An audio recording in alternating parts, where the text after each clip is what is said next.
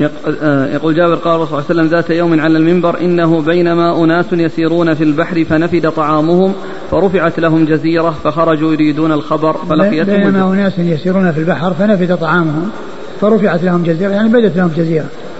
بدت لهم جزيرة وظهرت لهم جزيرة فذهبوا إليها ويعني يريدون الخبر وفي بعض الألفاظ يريدون الخبز. نعم. نعم. فلقيتهم الجساسة.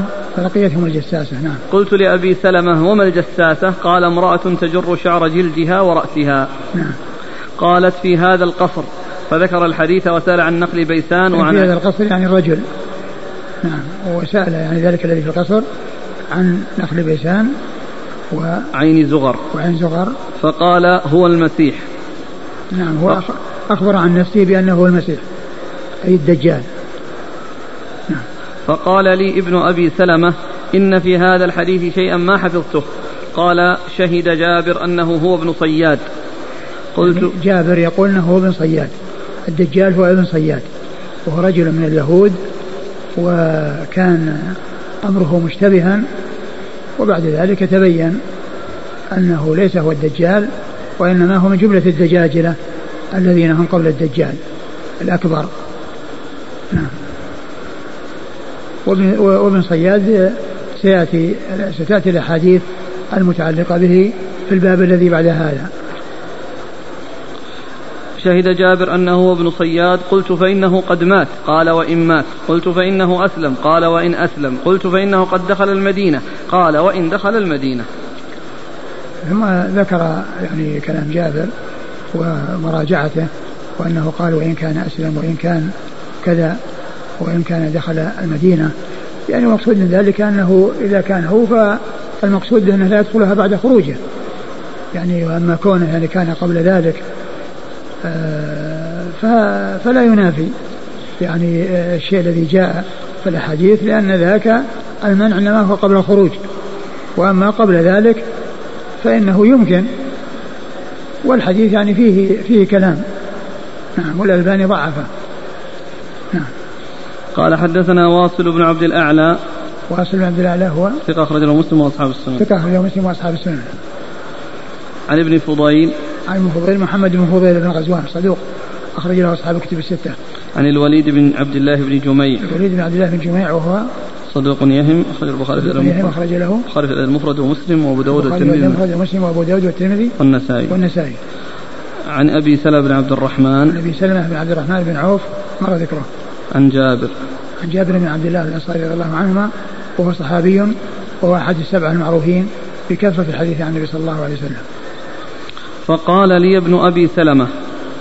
فقال لي ابن أبي سلمة يعني يقول بالوليد ابن أبي سلمة هو عمر بن أبي سلمة. عمر بن أبي سلمة هو هو إيش؟ صدوق يخطئ أخرج البخاري تعليقا وأصحاب السنن. صدوق يخطئ أخرجه البخاري تعليقا وأصحاب السنن.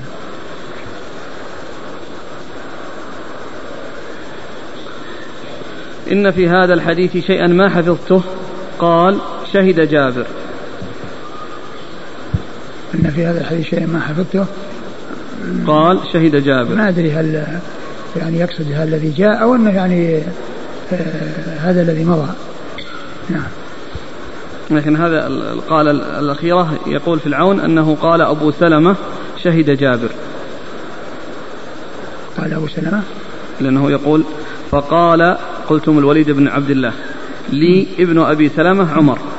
إن في هذا الحديث شيئا ما حفظته. يقول آه، عمر. أي نعم. قال شهد جابر. قال هذه الثانية يقول أي أبو سلمة. قال أبو سلمة نعم. قال, قال أبو سلمة إيه. أبو سلمة بن عبد الرحمن هو اللي يروي عن جابر. نعم نعم. قال شهد جابر أنه ابن الصياد. قلت فإنه قد مات. قال وإن مات. نعم. قلتم الشيخ ضعفه وجه التضعيف. والله ما لعله من من جميع هذا.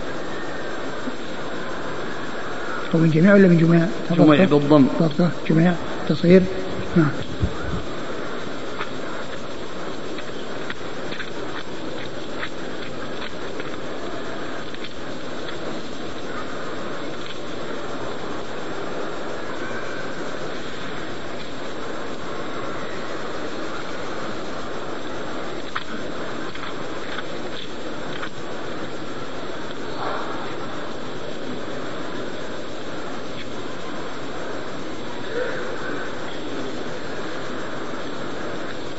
مضبوط بالحروف بس مضبوط عندنا بالقلم. قال رحمه الله تعالى باب في خبر ابن صائد. قال حدثنا أبو عاصم خشيش بن أصرم قال حدثنا عبد الرزاق قال أخبرنا معمر عن الزهري عن سالم عن ابن عمر رضي الله عنهما أن النبي صلى الله عليه وآله وسلم مر بابن صائد في نفر من أصحابه. فيهم عمر بن الخطاب رضي الله عنه وهو يلعب مع الغلمان عند أطم بني مغالة وهو غلام. فلم يشعر حتى ضرب رسول الله صلى الله عليه وآله وسلم ظهره بيده ثم قال أتشهد أني رسول الله؟ قال فنظر إليه ابن صياد فقال أشهد أنك رسول الأميين. ثم قال ابن صياد للنبي صلى الله عليه وآله وسلم أتشهد أني رسول الله؟ قال له النبي صلى الله عليه وآله وسلم آمنت بالله ورسله. ثم قال له النبي صلى الله عليه وآله وسلم ما يأتيك؟ قال يأتيني صادق وكاذب. فقال له النبي صلى الله عليه وآله وسلم خلط عليك الأمر. ثم قال رسول الله صلى الله عليه وآله وسلم إني قد خبأت لك خبيئة وخبأ له يوم تأتي السماء بدخان مبين. قال ابن صياد هو الدخ. فقال رسول الله صلى الله عليه وآله وسلم اخسأ فلن تعدو قدرك. فقال عمر يا رسول الله ائذن لي فأضرب عنقه. فقال رسول الله صلى الله عليه وآله وسلم إن يكن فلن تسلط عليه. يعني الدجال وإلا يكن هو فلا خير في قتله. ثم ورد أبو داود باب في خبر ابن صائد ويقال ابن صائد ويقال ابن صياد. وهو رجل من اليهود. كان في المدينة. و آه، وكان آه، اشتبه أمره حتى كان يظن أنه الدجال.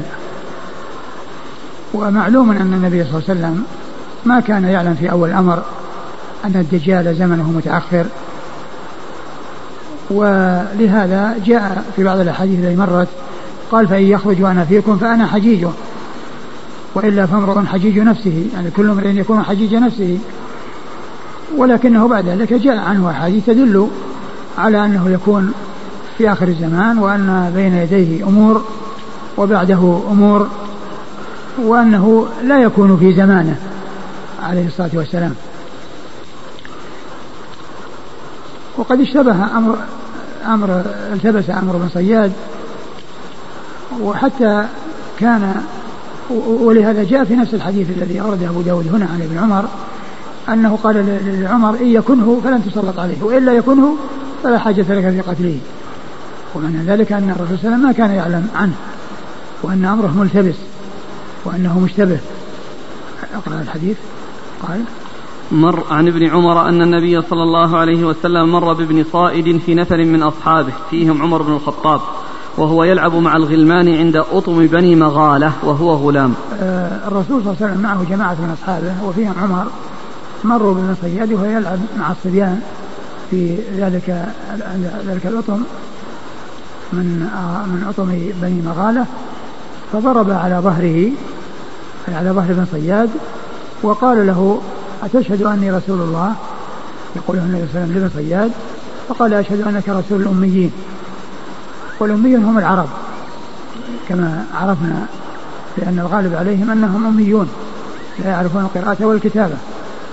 ومنه رسول الله صلى الله عليه وسلم فإنه أمي لا يقرأ ولا يكتب ومع ذلك جاء بهذا الكلام وبهذا القرآن الذي لو اجتمعت الإنس والجن على يأتوا بمثله لا يأتون بمثله ولو كان بعضهم لبعض ظهيرا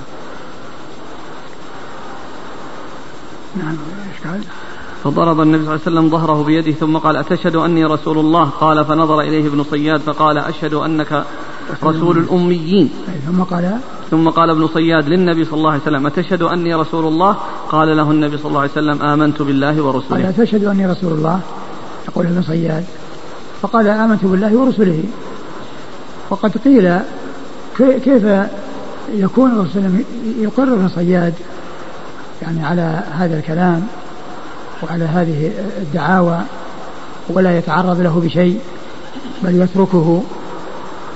وقد يجيب عن ذلك بجوابين. أحدهما أنه غير بالغ فهو غير مكلف. ولهذا قال يلعب مع الصبيان. هنا قال يلعب مع الصبيان. والأمر الثاني الذي قال الذي قالوه في آه، في جوابه إيش إيش كان؟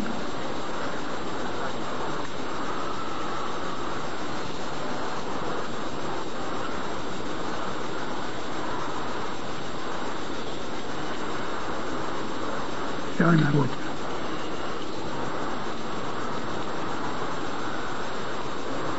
أنه كان في أيام مهادنة نعم. اليهود وحلفائهم أنه كان في مهادنة اليهود وهو منهم وهو من جملة اليهود. نعم. فقال أتشهد أني رسول الله؟ فقاله النبي صلى الله عليه وسلم آمنت بالله ورسله. نعم. ثم قال له النبي صلى الله عليه وآله وسلم ما يأتيك؟ قال يأتيني صادق وكاذب. يعني ما يأتيك؟ يعني من الأخبار قال يأتيني صادق وكاذب. يعني يأتيه أشياء تكون صدقا وأشياء تكون كذبا أشياء تحصل يعني مطابقة للواقع وأشياء تكون مخالفة للواقع. يعني وهذا شأن يعني هذا يدل على أنه دجال وأنه من الكهان الذين تأتيهم الشياطين ويأتيهم يعني مسترق السمع فيأتي ب... يأتي ب... يعني بالكلمة من الحق فيكذبون معها مئة كذبة كما جاء ذلك في الحديث عن رسول الله صلى الله عليه وسلم. نعم. قال له إني خبأت لك قال فقال النبي صلى الله عليه وسلم خلط عليك الأمر. ثم. ثم قال صلى الله عليه وسلم إني قد خبأت لك خبيئة وخبأ له يوم تأتي السماء بدخان مبين. قال ابن صياد هو الدخ. إني خبأت لك خبيئة يعني أمرت لك أمرا يعني فما هو ذا ما هو؟ فقال هو الدخ. فقال عليه الصلاة والسلام اخسأ فلن تعدو قدرك. يعني لن تتجاوز قدرك يعني وأنك من الكهان أنك من الكهان الذين يعني يعتمدون على ما تلقيه عليهم الشياطين. نعم. فقال عمر يا رسول الله ائذن لي فأضرب عنقه. فقال الرسول صلى الله عليه وآله وسلم إن يكن فلن تسلط عليه. يعني إن يكن هو يعني الدجال. إن يكن هو الدجال فلن تسلط عليه وإلا فلا خير وإلا, وإلا يكن هو فلا خير في قتله. وإلا يكن هو يعني وإن لم يكن هو فلا خير لك في قتله. نعم. قال حدثنا أبو عاصم خشيش بن أصرم. أبو عاصم خشيش بن أصرم هو ثقة أخرج أبو داود النسائي عن عبد الرزاق. عبد الرزاق بن همام الصنعاني اليماني ثقة أخرج له أصحاب كتب الستة. عن معمر. عن معمر بن راشد الأزدي البصري ثم اليماني ثقة أخرج له أصحاب كتب الستة. عن الزهري. عن الزهري مر ذكره. عن ابن عن سالم. عن سالم بن عبد الله بن عمر وهو ثقة أخرجه أصحاب كتب الستة. عن أبيه عبد الله بن عمر رضي الله عنهما وهو الصحابي الجليل أحد العبادلة الأربعة من الصحابة وأحد السبعة المعروفين بكثرة الحديث عن النبي صلى الله عليه وسلم.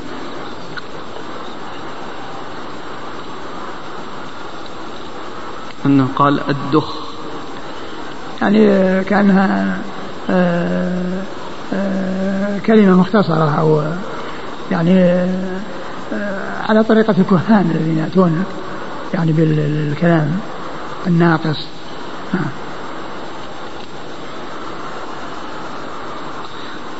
يقول ألا يدل هذا على أن من آمن إيمان تصديق دون إقرار وعمل لا ينفعه ذلك؟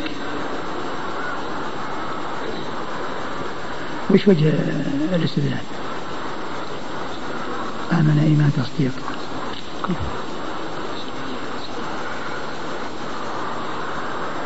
أنك رسول الأميين. هو أخبر يعني هذا نفس هذا الكلام الذي يقوله اليهود والنصارى أنه رسول للعرب ولكن من علم أو من شهد بأنه رسول فالرسول يجب تصديقه. ومن كذب الرسول فقد كفر. لأن كل خبر يخبر به الرسول لابد من تصديقه. وما دام أنه أخبر آمنوا بأنه رسول للعرب وقد أخبر هو بأنه رسول للناس كافة وأنه رسول للإنس والجن فيجب تصديقه ومن كذب بذلك فإنه يكون كافرا. نعم. قل كيف يكون كاهن وهو لم يبلغ؟ يعني كان يعني كما هو معلوم آه، يمكن. أقول يمكن وإن لم يبلغ مو لازم أن الكهنة ما تكون من بالغ. الكاهن قد كان يعلم يعلم أولاده الكهانة وإن لم يبلغوا ف ويحتمل أيضا أن يكون آه، قد بلغ وأنه كان يلعب مع الصبيان وهو بالغ. وعلى هذا يعني يكون آه، غير صغير وإنما يكون قد بلغ ومحتمل أنه لم يبلغ ومحتمل أنه يلعب معهم وإن كان بالغا.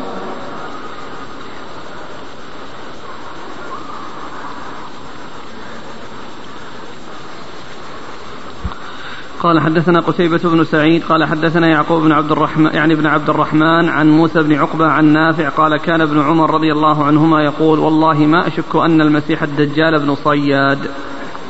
ثم ورد هذا الأثر الموقوف على عبد الله بن عمر وأنه كان يعني يجزم بأن الدجال هو ابن صياد.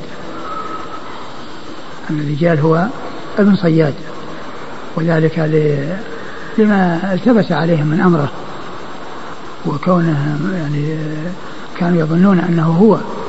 والنبي صلى الله عليه وسلم كان في أول الأمر ملتبسا عليه. ولهذا قال في كلامه لعمر الذي مر إن يكن هو إلا يكن هو. يعني يعني هذا يدل على أنه غير متبين له امره نعم. قال حدثنا قتيبة بن سعيد. قتيبة بن سعيد بن جميل بن طريف البغلاني ثقة أخرج له أصحاب كتب الستة. عن يعقوب يعني بن عبد الرحمن. يعقوب بن عبد الرحمن. وهو ثقة أخرج له أصحاب الكتب إلا ابن ماجه الستة ابن ماجه. عن موسى بن عقبة. عن موسى بن عقبة المدني ثقة أخرج له أصحاب الكتب الستة. عن نافع عن نافع مولى بن عمر وهو ثقة أخرج له أصحاب الكتب الستة. عن ابن عمر. وقد مر ذكره. قال حدثنا ابن معاذ قال حدثنا أبي قال حدثنا شعبة عن سعد بن إبراهيم عن محمد بن المنكدر قال رأيت جابر بن عبد الله رضي الله عنهما يحلف بالله أن ابن صائد الدجال. فقلت تحلف بالله فقال إني سمعت عمر رضي الله عنه يحلف على ذلك عند رسول الله صلى الله عليه وعلى آله وسلم فلم ينكر فلم ينكره رسول الله صلى الله عليه وآله وسلم. ثم ورد أبو داود هذا الأثر عن آه، عن جابر رضي الله عنه أنه كان يحلف أن ابن صياد هو الدجال ويستدل على ذلك بأن بأن عمر رضي الله عنه كان يحلف على ذلك عند النبي صلى الله عليه وسلم ولم ينكر عليه.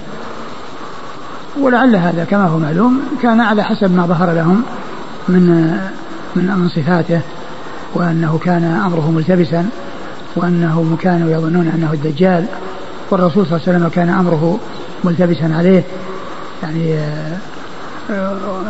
كان أمره ملتبسا عليه. ثم بعد ذلك تبين أنه إنما يأتي في آخر إنما يأتي في آخر الزمان.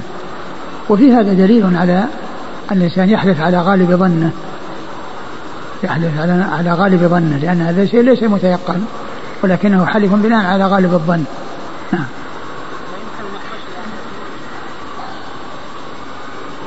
في ورقة؟ نعم. قال حدثنا ابن معاذ. ابن معاذ هو عبيد الله بن معاذ وهو ثقة أخرج له البخاري. ومسلم وأبو داود النسائي. البخاري ومسلم وأبو داود النسائي. عن أبيه. عن أبي معاذ بن معاذ العنبري ثقة أخرجه أصحاب كتب الستة. عن شعبة شعبة بن الحجاج الواسطي ثم البصري ثقة أخرجه أصحاب كتب الستة. عن سعد بن إبراهيم سعد بن إبراهيم ثقة أخرجه أصحاب كتب الستة. عن محمد بن المنكدر عن محمد بن المنكدر ثقة أخرجه أصحاب كتب الستة. عن جابر جابر رضي الله عنه وقد مر ذكره. قال حدثنا أحمد بن إبراهيم قال حدثنا عبيد الله يعني ابن موسى قال حدثنا شيبان عن الأعمش عن سالم عن جابر رضي الله عنه قال فقدنا ابن, صي... فقدنا ابن صياد يوم الحرة ثم ورد أبو داود حديث أثر جابر قال فقدنا بن صياد يوم الحرة.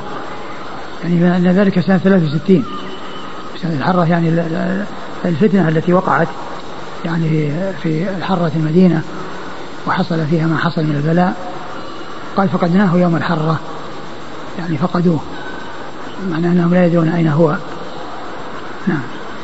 قال حدثنا أحمد بن إبراهيم أحمد بن إبراهيم هو الدورقي ثقة أخرجه مسلم وأبو داود والترمذي وابن ماجه. أخرجه مسلم وأبو داود والنسائي. والترمذي وابن ماجه. والترمذي وابن ماجه.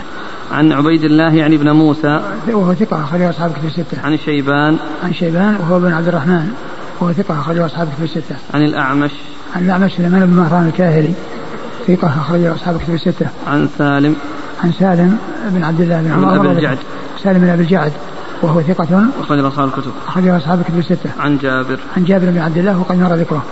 قال حدثنا عبد الله بن مس... بس هنا أنه فقد يوم الحرة وفي رواية أخرى أنه مات بالمدينة وصلوا عليه. ولذلك هنا فائدة. عن جابر رضي عنه قال فقدنا ابن صياد يوم الحرة. وقد صحح ابن حجر هذه الرواية. وضعف قول من ذهب إلى أنه مات في المدينة وأنهم كشفوا عن وجهه وصلوا عليه. في الفتح في الجزء الثالث عشر. قال حدثنا عبد الله بن مسلمة قال حدثنا عبد العزيز يعني ابن محمد عن العلاء عن أبيه عن أبي هريرة رضي الله عنه أنه قال قال رسول الله صلى الله عليه وآله وسلم لا تقوم الساعة حتى يخرج ثلاثون دجالون كلهم يزعم أنه رسول الله صلى الله عليه وسلم. كلهم يزعم أنه رسول الله. والله تعالى أعلم وصلى الله وسلم وبارك على عبده ورسوله نبينا محمد وعلى آله وأصحابه أجمعين. جزاكم الله خيرا وبارك الله فيكم ونفعنا الله بما قلتم. هل ابن صياد كان أعور فالتبس بالدجال الأكبر؟ ما أدري. يقول ألا يدل قول ابن صياد أشهد أنك رسول الأميين. أنه هو الدجال لأن نفس اللفظ الذي سأل عنه الدجال في حديث تميم الداري حين قال خرج نبي الأميين. ليس بلازم. أقول ليس بلازم. هذا دجال وهذا دجال وكل واحد قال الكلام لماذا خصص النبي صلى الله عليه وسلم الخبيئة بسورة الدخان؟ وما السر فيها؟ أليس فيها؟ نعم، أليس فيها دليل على أن الدجال وأن الخبيئة الخبيئة هي قتله قبل قيام الساعة وقبل أن تأتي السماء بدخان مبين. ما ما في أقول هذا ما يشعر أقول هذا ما يشعر بهذا الكلام. هل في حديث الخبيئة دليل على عدم قدرة الجن على معرفة ما في نفس الإنسان؟ لأنه ما عرف الذي خبأه النبي صلى الله عليه وسلم كاملا. الجن كما هو معلوم آه، يعلمون الشيء الذي يقدرهم الله عليه ولا يعلمون الشيء الذي لا يقدرون عليه. ولهذا جاء في القرآن آه، ما يدل على ذلك في سورة سبأ حيث قال فلما قضينا عليه الموت ما دلهم على موته إلا دابة الأرض تأكل من ساعته. فلما خر تبينت الجن أن لو كانوا يعلمون الغيب ما لبثوا في العذاب المهين. ما رأيكم في من يسمي نفسه ابن صياد أو الصياد؟ كلمة صياد أو تسمية بصياد ما فيها بأس. يقول ما الذي يمنع أن يكون ابن صياد هو الدجال؟ فقد يكون ظهر في زمن النبي صلى الله عليه وسلم ثم يخرج في آخر الزمان.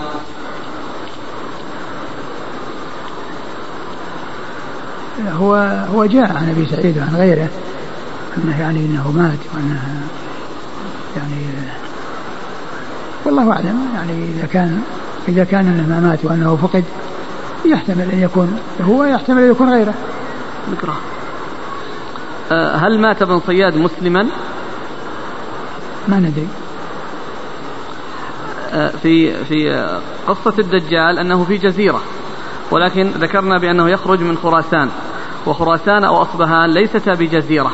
فكيف التوفيق؟ لا وما أقول إذا من خرج أقول يمكن قبل إذا أطلق في آخر الزمان يذهب إلى ذلك المكان ويخرج منه. لماذا سميت الجساسة بهذا الاسم ولم تسمى الجسوسة؟ أقول آه، هذا هي قالت عن نفسها أنها الجساسة وقالوا عن التعليل ذلك أنها تتجسس الدجال والله تعالى أعلم. ألا يمكن أن يقال في قول فاطمة رد أن الصلاة جامعة ليس المقصود نافلة وإنما الإعلام بدخول الوقت ليجتمع الناس لصلاة العشاء فيوفق بين الحديثين. إذا كان بس كونها قالت الصلاة جامعة يعني الصلاة جامعة غير الأذان غير الله أكبر الله أكبر. يعني مثل مثل ما ينادى لصلاة الكسوف يقال الصلاة جامعة ولا يقال الله أكبر الله أكبر اللي هو الأذان. هل يمكن البحث الآن عن الدجال لرؤيته لا سيما مع التطور العلمي؟ آه، إذا شاء الله عز وجل أن أن يعمى على الناس عمي عليهم أمره ولم يهتدوا إليه ولو حصل ذلك التطور العلمي. مثل ما حصل في بني إسرائيل. أربعين سنة يتيهون في الأرض في صحراء. ومع ذلك ما اهتدوا هم ولا اهتدى إليهم أحد. أربعين سنة عمر. فالذي أعمى أعماهم عن الناس وأعمى الناس عنهم وأربعين سنة يتيهون في تلك الصحراء لم يهتدوا يهتدي إليهم أحد وهم لم يهتدوا إلى أحد كذلك آه هذا الذي آه حصل بالنسبة للدجال يمكن الناس يعني أقول يعمى عليهم أمره فلا يهتدون إليه هل صح خبر أن عمر بن عبد العزيز أرسل جيشا للبحث عن هذه الجزيرة؟ ما أعلم لا أعلم ذكر بعض المؤرخين أن الدجال موجود بجزيرة في بحر القلزم. هل هذا صحيح؟ الله أعلم. المؤرخين شافوه أقول لا ندري. جزاكم الله خيرا. وبارك الله فيكم ونفعنا الله بما قلت.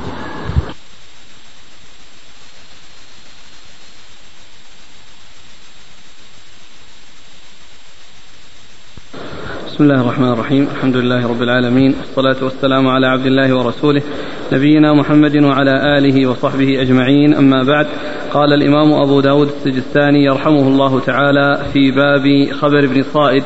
قال حدثنا عبد الله بن مسلمة قال حدثنا عبد العزيز يعني بن محمد عن العلاء عن أبيه عن أبي هريرة رضي الله عنه أنه قال قال رسول الله صلى الله عليه وعلى آله وسلم لا تقوم الساعة حتى يخرج ثلاثون دجالون كلهم يزعم أنه رسول الله.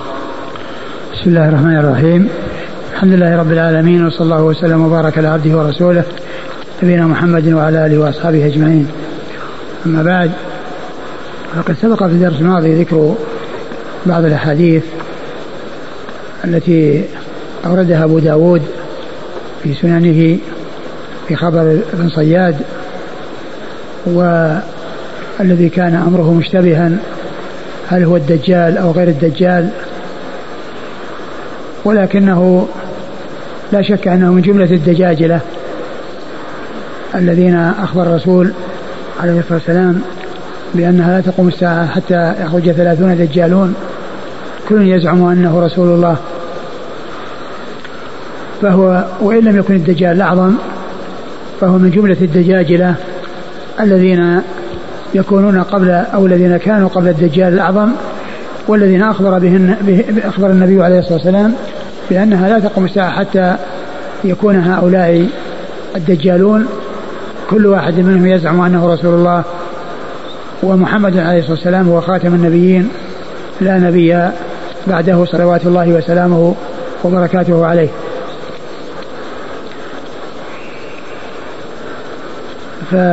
فإيراد أبي داود رحمه الله للحديث في باب ابن صياد يعني يفيد أن ابن صياد هو من جملة الدجاجلة. وإن لم يكن الدجال أعظم فهو من جملة الدجاجلة الذين أخبر بهم النبي عليه الصلاة والسلام بأنها لا تقوم الساعة حتى يخرجوا وأن كل واحد منهم يزعم أنه رسول الله وإنما هو كذاب وليس بنبي. نعم. قال حدثنا عبد الله بن مسلمة. عبد الله بن مسلمة القعنبي ثقة أخرجه أصحاب كتب الستة إلا ابن ماجه. عن عبد العزيز يعني بن محمد. بن محمد الدراوردي صدوق أخرج له أصحاب كتب الستة. عن العلاء. عن العلاء بن عبد الرحمن الحرقي وهو صدوق. ربما وهم. ربما وهم. أخرجه البخاري في جزء القراءة. نعم هو ومسلم وأصحاب السنة. عن أبيه عن أبيه وهو ثقة أخرجه البخاري في جزء القراءة ومسلم ثقة أخرجه البخاري في جزء القراءة ومسلم وأصحاب السنة. عن أبي هريرة. عن أبي هريرة عبد الرحمن بن صخر الدوسي رضي الله عنه صاحب رسول الله عليه الصلاة والسلام وأكثر الصحابة حديثا على الإطلاق رضي الله عنه وأرضاه.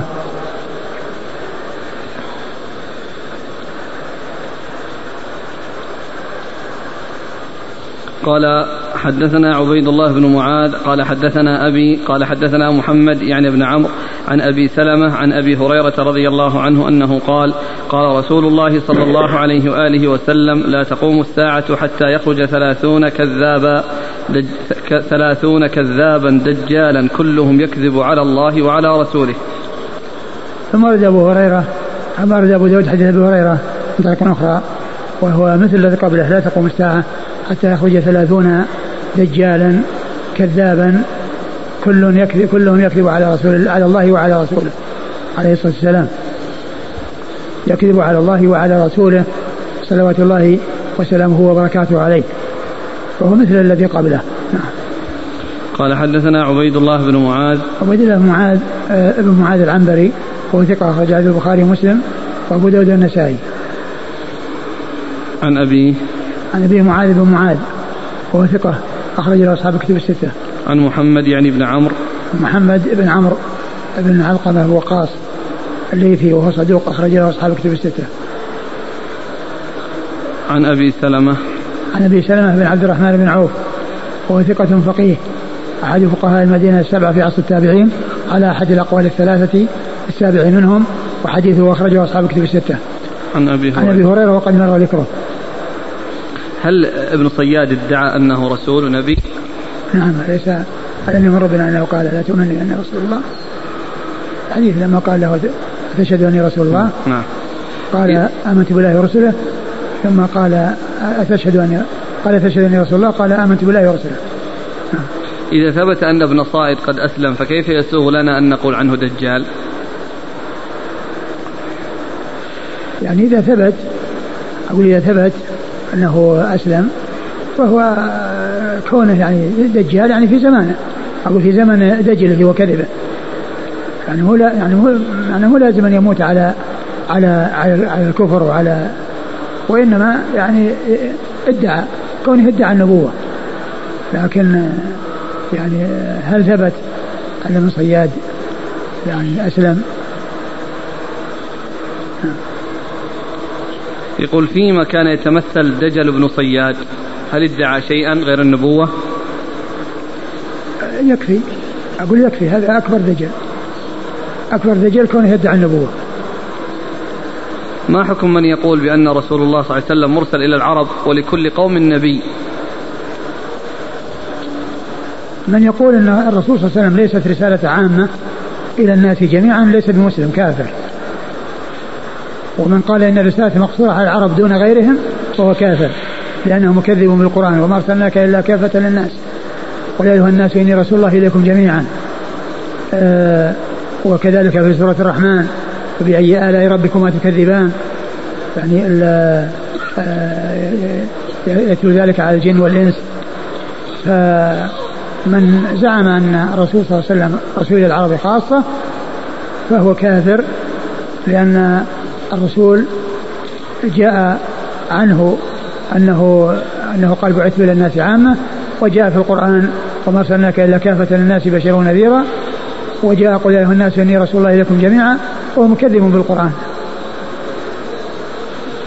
قال حدثنا عبد الله بن الجراح عن جرير عن مغيرة عن إبراهيم قال قال عبيدة السلماني بهذا الخبر قال فذكر نحوه فقلت له أترى هذا منهم المختار؟ أترى هذا منهم يعني المختار؟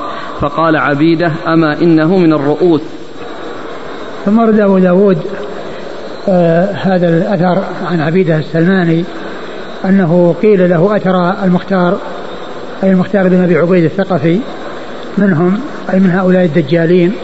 قال إنه من الرؤوس يعني من رؤوسهم من رؤوس الدجالين.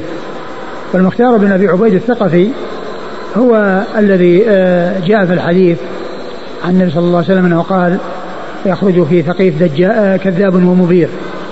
الذي قالت أسماء بنت أبي بكر للحجاج لما قتل ابنها عبد الله بن الزبير رضي الله عنه وأرضاه قالت أن الرسول صلى الله عليه وسلم أخبرنا بأن أنه يخرج في ثقيف كذاب ومبير أما الكذاب فقد عرفناه يعني وهو المختار بن أبي عبيد. هذا. وأما المبير فلا يخالك إلا إياه. يعني فلا أظنه إلا أنت. والمبير هو المهلك. فالمختار بن أبي عبيد هو من الدجاجلة نعم. قال عبيدة أما إنه من الرؤوس؟ من الرؤوس؟ يعني من رؤوس الدجاجلة من رؤوسهم يعني من كبارهم من رؤساء رؤوسهم. قال حدثنا عبد الله بن الجراح. عبد الله بن الجراح هو صدوق يخطئ أخرج البخاري أخرج له أبو داود والنسائي في مسند مالك وابن ماجه. صدوق يخطئ أخرجه أبو داود والنسائي في مسند مالك وابن ماجه. عن جرير. عن جرير بن عبد الحميد الضبي ثقة أخرج له أصحاب الكتب الستة. عن مغيرة. عن مغيرة بن مقسم الضبي وهو ثقة. أخرج له أصحاب الكتب. نعم. أخرجه أصحاب الكتب الستة. عن إبراهيم. عن إبراهيم بن يزيد بن قيس النقعي الكوفي وهو ثقة. أخرجه أصحاب الكتب الستة. عن عبيدة عن عبيدة بن عمرو السلماني وهو ثقة أخرج له ثقة مخضرم أخرج له أصحاب الكتب الستة. وهذا فيه رواية المغيرة عن إبراهيم وهو معروف بالتدليس ولا سيما عن إبراهيم. والألباني ضعف هذا ولعله بسبب آه، رواية المغيرة عن عن إبراهيم.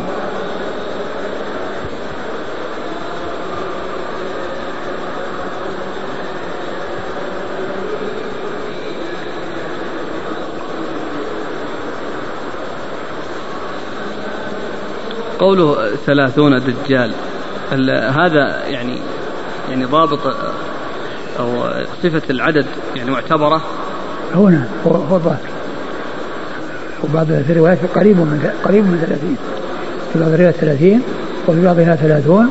فالعدد معتبر يعني هذا العدد لابد لكن هل يعني ما يزيد؟ يعني آه، آه، يمكن أن يزيد ولكن يعني آه، التنصيص على الثلاثين يعني لا لا ينفي أن يكون أن يوجد شيء أكثر من ذلك. وأن يكون ولكن العدد هذا لا بد أن يكون. والم... العدد لا بد أن يكون.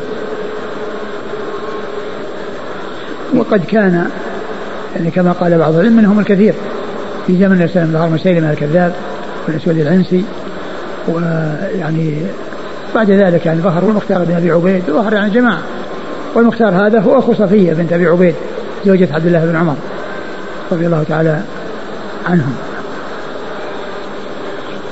ما رأيكم في إطلاق اسم الدجال في عصرنا على رؤوس المبتدعة؟ آه آه المبتدعة الذين يعني يكون منهم يعني كذب ويكون منهم افتراء لا شك أنه آه ينطبق عليهم. أقول ينطبق عليهم. والمحدثون يذكرون من صيغ التجريح التي هي من أشدها أن يقولوا كذاب ويقول دجال.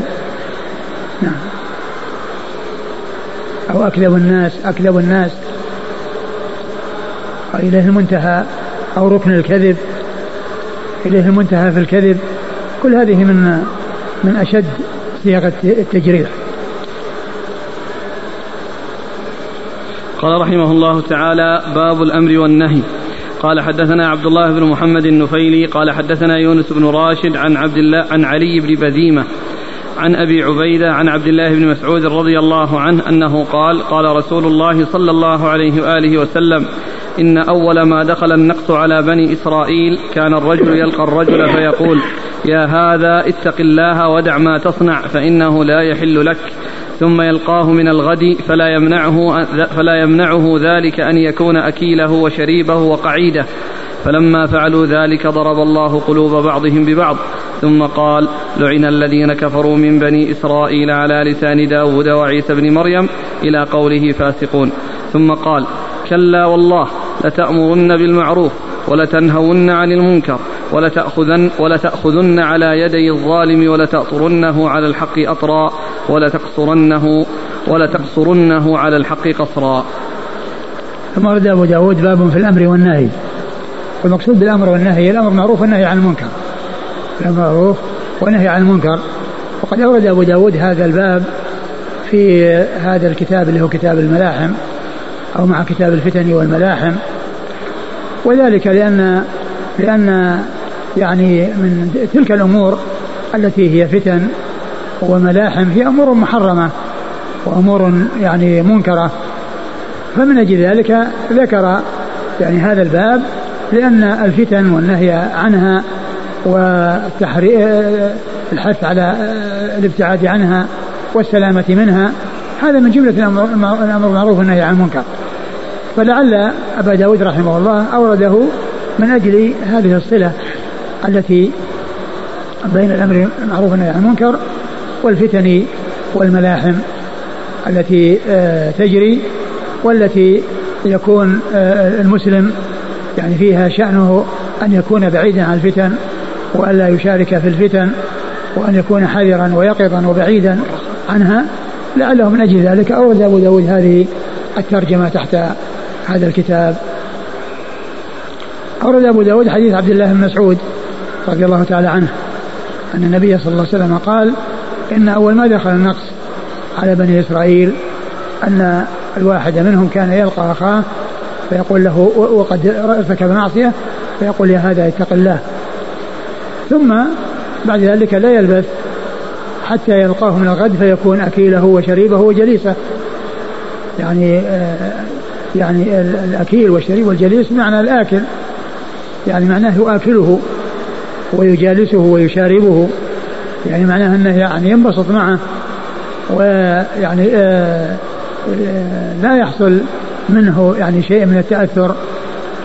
ولا يرى في وجهه شيء من التغير. بسبب ما حصل منه من الأمر المنكر.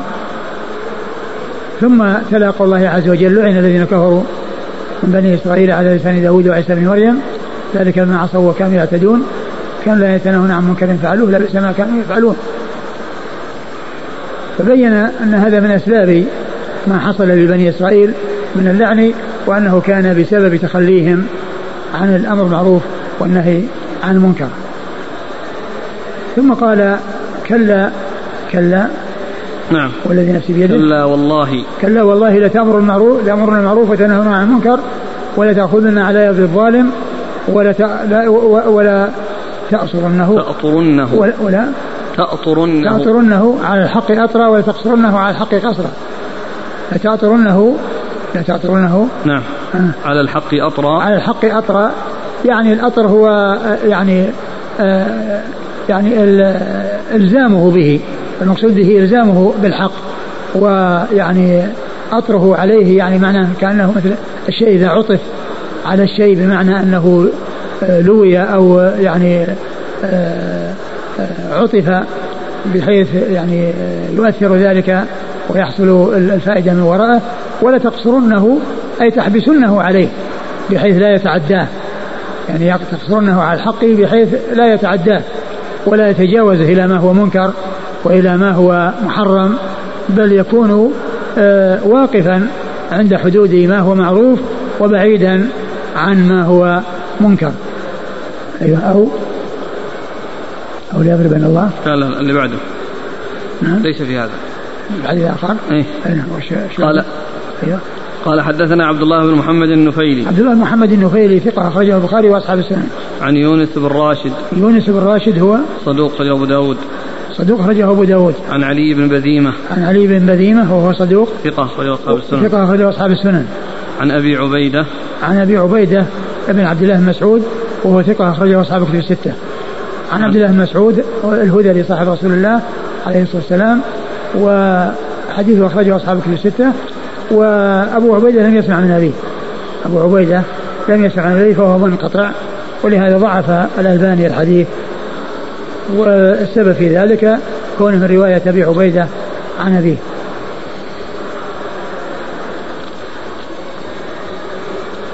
قال حدثنا خلف بن هشام قال حدثنا أبو شهاب الحناق عن العلاء بن المسيب عن عمرو بن مرة عن سالم عن أبي عبيدة عن ابن مسعود رضي الله عنهما رضي الله عنه عن النبي صلى الله عليه وآله وسلم بنحوه زاد أو ليضربن الله بقلوب بعضكم على بعض ثم ليلعننكم كما لعنهم. ثم ورد أبو داود حديث ابن مسعود من طريق أخرى وفيه زيادة قال أو ليضربن الله بقلوب بعضكم على بعض. أو ليضربن الله بقلوب بعضكم على بعض.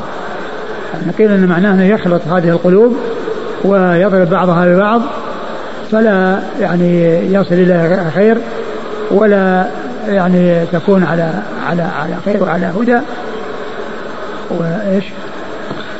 لا يضربن الله بقلوب بعضكم على بعض ثم ليلعننكم كما لعنهم. ثم يلعننكم كما لعنهم. يعني في قوله لعن الذين كفروا بني إسرائيل على لسان داود وعيسى بن مريم ذلك بما عصوا وكانوا يعتدون. أي بسبب عدم التآمر بالمعروف والتناهي عن المنكر. نعم. قال حدثنا خلف بن هشام. خلف بن هشام هو ثقة أخرجه مسلم وأبو داود. ثقة أخرجه مسلم وأبو داود. عن أبي شهاب الحناط. عن أبي شهاب الحناط وهو عبد ربه بن نافع وهو صدوق يهم أخرجه أصحاب الكتب إلا الترمذي. صدوق يهم أخرجه أصحاب الكتب الستة إلا الترمذي. عن العلاء بن المسيب. عن العلاء بن المسيب وهو صدوق. ثقة ربما وهم. ثقة ربما أخرجه أصحاب الكتب الستة إلا الترمذي. عن عمرو بن مرة. عن عمرو بن مرة الهمداني وثقة أخرجه أصحاب الكتب الستة. عن سالم. عن سالم هو الأفطس نعم. سالم بن عجلان الأبطس بن ثقة. الأفطس وهو ثقة؟ أخرج البخاري وأبو داود والنسائي بن ماجه.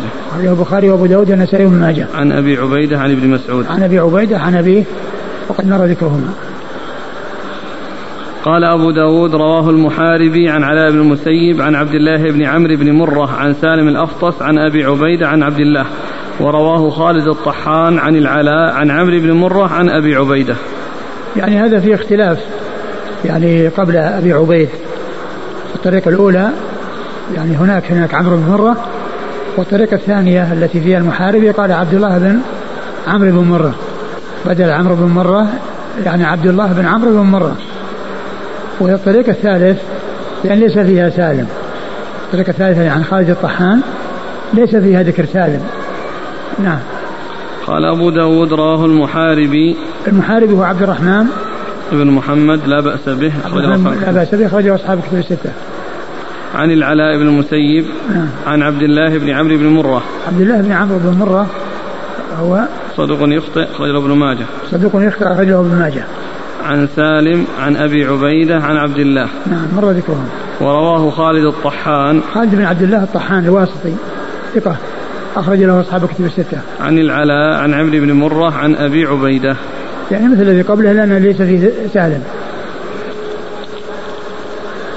ألا تكون مناسبة بين هذا الباب وكتاب الفتن أن ترك الأمر معروف والنهي عن المنكر سبب في الفتن؟ إلا لا شك أن هذا من أسباب الفتن. من أسباب الفتن وأيضا يعني كون ال- ال- ال- الفتن آه، يعني مع وجودها ومع حصولها يحتاج فيها الأمر بالمعروف والنهي عن المنكر. وذلك بعدم الدخول فيها.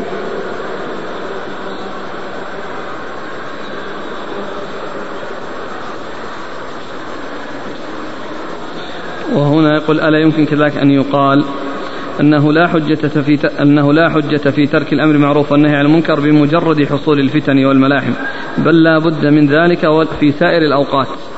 لا شك. الأمر بالمعروف والنهي مطلوب دائما وأبدا.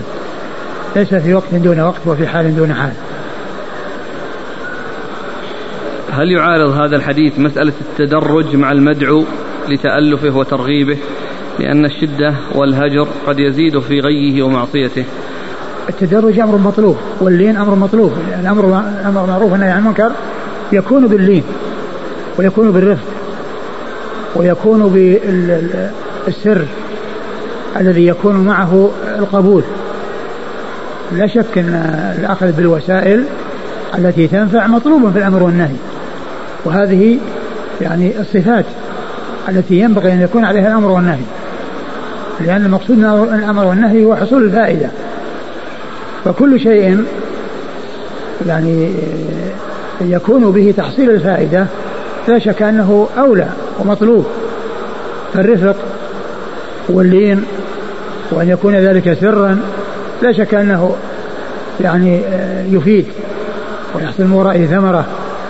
فلا تكون النصيحة والأمر بالنهي عن المنكر علانية ولا يكون بالشدة والغلظة وإنما يكون بالرفق واللين وبالسر كما أن الإنسان هو نفسه يعجبه أن ينصح سرا وأن يرفق به عند النصيحة فعليه أن يعامل غيره أيضا كما يحب أن يعامل.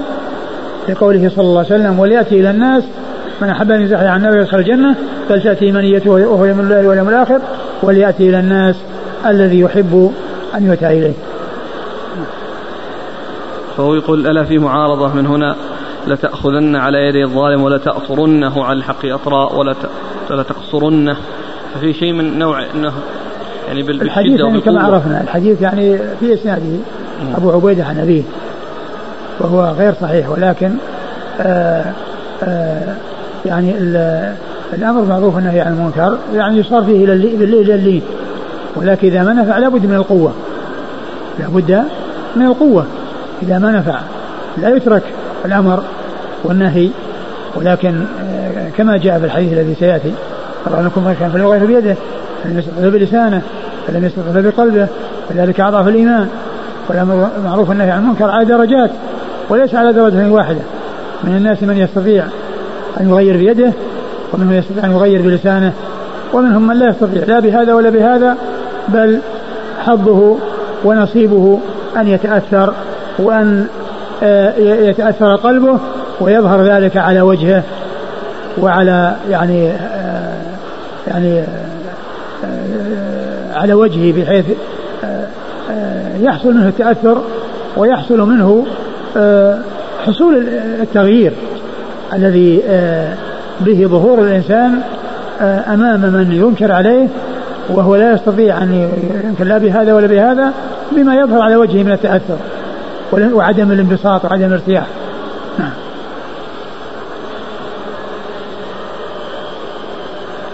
قال حدثنا وهب بن بقية عن خالد قال حا وحدثنا عمرو بن عون قال أخبرنا هشيم المعنى عن إسماعيل عن قيس قال قال أبو بكر رضي الله عنه بعد أن حمد الله وأثنى عليه يا أيها الناس إنكم تقرؤون هذه الآية وتضعونها على غير مواضعها.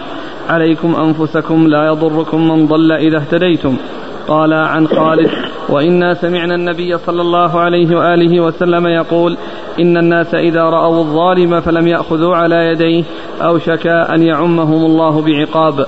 وقال عمرو عن هشيم وإني سمعت رسول الله صلى الله عليه وعلى آله وسلم يقول ما من قوم يعمل فيهم بالمعاصي ثم يقدرون على أن يغيروا ثم لا يغيروا إلا يوشك أن يعمهم الله منه بعقاب.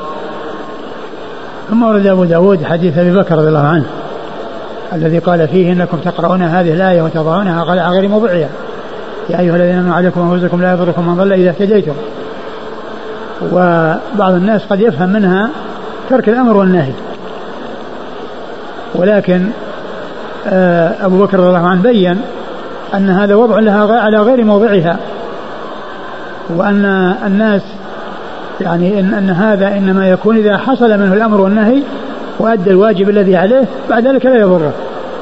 أما أن لا يحرك ساكنا ولا يضره ولا ينهى عن المنكر فإن ذلك يضره. فإن ذلك يضره. ولهذا جاء في الآية قال إذا اهتديتم. ولا شك أن من الاهتداء من الاهتداء ومن جملة الاهتداء أن يكون الإنسان آه، آه، يهدي غيره ويرشد غيره إلى الصواب وإلى الحق والهدى وذلك عن طريق الأمر بالمعروف والنهي عن المنكر. فالآية تشعر وتشير إلى هذا الذي ذكره أبو بكر رضي الله عنه وهو قوله إذا اهتديتم. فإنه ليس المقصود بذلك كل إنسان يكون على على استقامة ولا ولا يرفع لا يحرك ساكنا ولا يعنى بهداية الناس وإصلاح الناس ويتركهم على ما هم عليه على المعروف عن المنكر. بل إن مقتضى الهداية أو الاهتداء أن يكون أيضا هاديا كما كان مهتديا. وهذا من الاهتداء كونه يعني يهدي غيره هذا من الاهتداء. الذي تعود منفعته عليه وذلك بأن يؤجر بمثل أجور من استفاد خيرا بسببه ومن كان اهتدى بسببه فإن الله تعالى يثيب آه، المهتدي الذي اهتدى على يدي هذا الذي هداه على عمله الصالح ويثيب من كان سببا في هدايته بمثل أجره لقوله صلى الله عليه وسلم من دعا إلى هدى كان له من الأجر مثل أجر من تبعه لا ينقص ذلك من أجورهم شيئا. وعلى عكس من ذلك قال عليه الصلاة والسلام ومن دعا إلى ضلالة كان عليه من الإثم مثل آثام من تبعه لا ينقص ذلك من آثامهم شيئا. وعلى هذا فالآية الكريمة لا تفهم على أن الناس آه، يتركون الأمر بالمعروف والنهي عن المنكر وأنهم إذا كانوا مهتدين لا يضرهم آه، ضلال من ضل بل الأمر آه، إنما هو مبني على أنهم إذا أمروا ونهوا فلم ينتفع بأمرهم ونهيهم عند ذلك لا يضرهم ضلال من ضل إذا كانوا مهتدين. نعم. قال؟ وإنكم تقرؤون؟ قال أبو بكر بعد أن حمد الله وأثنى عليه يا أيها الناس إنكم تقرؤون هذه الآية وتضعونها على غير مواضعها. عليكم أنفسكم لا يضركم من ضل إذا اهتديتم. قال عن خالد وإنا سمعنا النبي صلى الله عليه وآله وسلم يقول إن الناس إذا رأوا الظالم فلم يأخذوا على يديه أوشك أن يعمهم الله بعقاب. وهذا يعني يبين أن لا ليس المقصود بها ترك الأمر والنهي وإنما المقصود بها الأمر والنهي وأن وأنهم إذا تركوا الأمر والنهي فإن إنه يوشك أن يعمهم العقاب بسبب المعاصي وذلك ذلك العقاب لا يخص من كان عاصيا بل يصيب العاصي وغير العاصي. كما قال الله عز وجل واتقوا فتنة لا تصيبن الذين ظلموا منكم خاصة. يعني بل تصيب آه، الظالم وغير الظالم تصيب الظالم وغير الظالم. وكذلك الحديث الذي فيه آه، آه، الذين يخسف بهم وقال إنه يعني إنهم يبعثون على نياتهم يبعثون على نياتهم نعم. وقال عمرو عن هشيم وإني سمعت رسول الله صلى الله عليه وآله وسلم يقول ما من قوم يعمل فيهم بالمعاصي ثم يقدرون على أن يغيروا ثم لا يغيروا إلا يوشك أن يعمهم الله منه بعقاب وهذا يعني أيضا يبين أنه يعني تكون المعاصي في قوم هم يقدرون على أن يغيروا فلم يغيروا إلا أوشك أن يعمهم الله بعقاب أو بعذاب فإذا قوله يعني آه، وهم قادرون على أن يغيروا فليس معنى ذلك أن الآية أن الإنسان يترك الأمر والنهي ويقول خلاص لا يضرني من ضل إذا اهتديت فهذا يعني آه، الذي جاء عن ابي بكر رضي الله عنه يبين أن المقصود بها أن أن المراد آه، لا يضره بعد قيامه بما أوجب الله عليه. أما وقد وهو لم يقم بما أوجب الله عليه فإنه آثم لتركه الأمر والنهي. نعم. قال حدثنا وهب بن بقية. وهب بن بقية الواسطي ثقة أخرج له. مسلم وأبو داود النسائي. مسلم وأبو داود النسائي. عن خالد. عن خالد بن عبد الله الطحان الواسطي ثقة أخرجه أصحاب كتب الستة.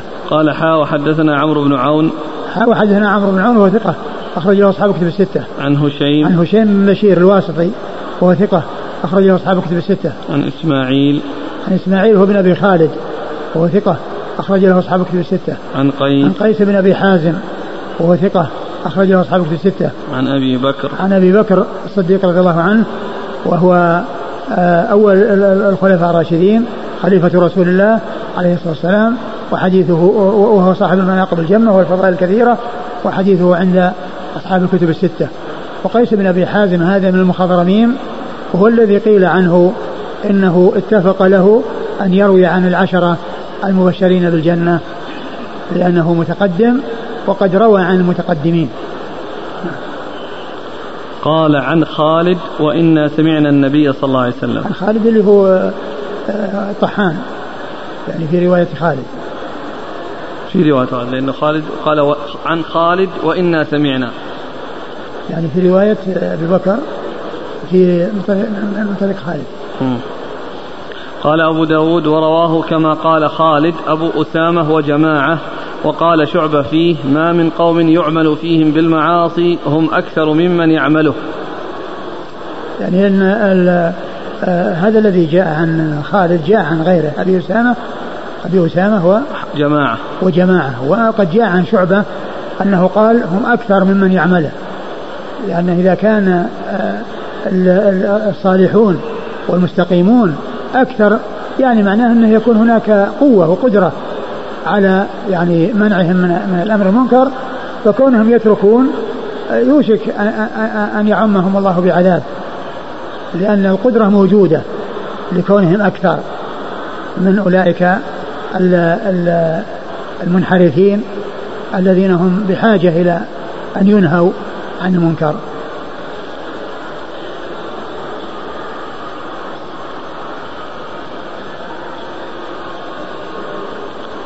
هل يفهم أن تعميم العذاب لا يكون إلا إذا كانوا قادرين على التغيير ولم يغيروا؟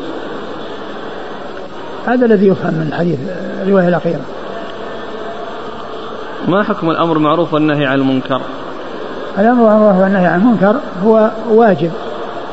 يعني هو واجب كفائي وقد يكون واجبا عينيا. إذا تعين عليه إذا تعين على إنسان ولم يكن هناك غيره يقوم مقامه فإنه يتعين. وأما إذا آه وجد من يقوم بهذا الأمر وجد من يقوم بهذا الأمر فإنه يكون فرض كفاية. إذا وجد من يكفيه ويغني عن أمره ونهيه فإنه آه، معروف فرض الكفاية إذا قام به من يكفي سقط الإثم على الباقين. ولكنه قد يتعين بحيث يكون في أناس لا يوجد فيهم من يقوم بذلك إلا هو فيكون بذلك متعينا عليه.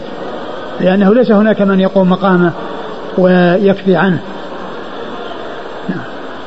قال حدثنا مسدد قال حدثنا أبو الأحوص قال حدثنا أبو إسحاق. لا اللي راح قال أبو داود وراه كما قال خالد أبو أسامة وجماعة. أبو أسامة حماد حماد بن أسامة وهو ثقة أخرجه أصحاب في الستة. وقال شعبة. قال وشعبة هو الحجاج ابن الحجاج الواسطي ثقة أخرجه أصحاب كتب الستة. قال حدثنا مسدد قال حدثنا أبو الأحوص قال حدثنا أبو إسحاق أظنه عن ابن جرير. عن جرير رضي الله عنه أنه قال سمعت رسول الله صلى الله عليه وآله وسلم يقول ما من رجل يكون في قوم يعمل فيهم بالمعاصي يقدرون على أن يغيروا عليه فلا يغيروا إلا أصابهم الله بعذاب من قبل أن يموتوا. ثم ورد أبو داود حديث جرير بن عبد الله البجلي رضي الله عنه. قال ما أن النبي صلى الله عليه وسلم قال ما من قوم ما من رجل يكون في قوم يعمل يعمل فيهم أو يعمل فيهم يعمل, يعمل فيهم بالمعاصي يقدرون على أن يغيروا عليه فلا يغيروا إلا أصابهم الله بعذاب من قبل أن يموتوا. هذا مثل الذي قبله أن, أن إذا كان يعني آه، قوم يعني فيهم منكر وهم قادرون على تغييره ولم يغيروه فإنه يصيبهم العذاب قبل أن يموتوا يعني يعجل الله لهم العذاب في هذه الحياة الدنيا. والعذاب يعني كما هو معلوم يعني يكون بأنواع متعددة. قد يكون يعني عن طريق الهلاك وقد يكون عن طريق المرض وعن طريق يعني عن طريق الابتلاء والفتن وما إلى ذلك الإنسان يفتن. فيحصل له عذاب في الدنيا على عدم القيام بالأمر والنهي الذي هو واجب عليه ومتعين عليه. نعم. قال حدثنا مسدد.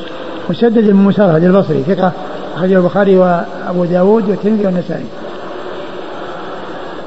عن الأب الأحوص. أبي الأحوص سلام بن سليم الحنفي ثقة أخرج له أصحاب الكتب الستة. عن أبي إسحاق. عن أبي إسحاق وهو عمرو بن عبد الله الهمداني السبيعي ثقة أخرجه أصحاب الكتب الستة. عن ابن جرير. ابن جرير قيل هو المنذر. والحافظ كأنه عبيد الله عبيد الله مم. عبيد الله بن جرير؟ إيه. وين قال فيه؟ في آخر ال... في آخر الكتاب؟ في المبهمات. المبهمات. أو في الأبناء. أو في الأبناء.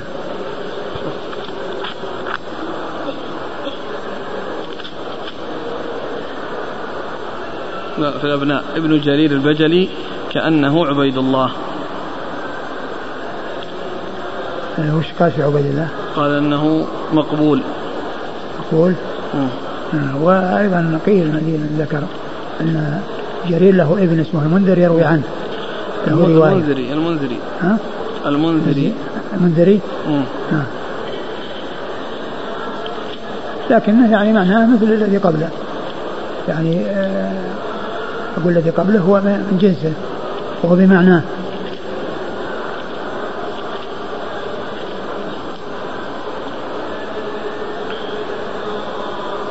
عبيد الله بن جرير بن عبد الله البجلي مقبول وفي الأسماء رمز له بقاف وفي الأبناء رمز له بدال. يعني في ابن ماجه الأسماء مذكور باسمه. إيه. مذكور اسمه ماجه وهنا في الأبناء. دون أن يسمى. دون أن يسمى.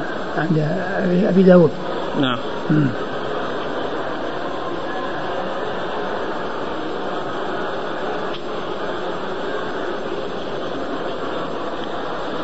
وكذلك المنذر بن جرير مقبول لكن أخرج له مسلم وأبو داود والنسائي بن ماجه. اللي هو عبيد الله؟ المنذر.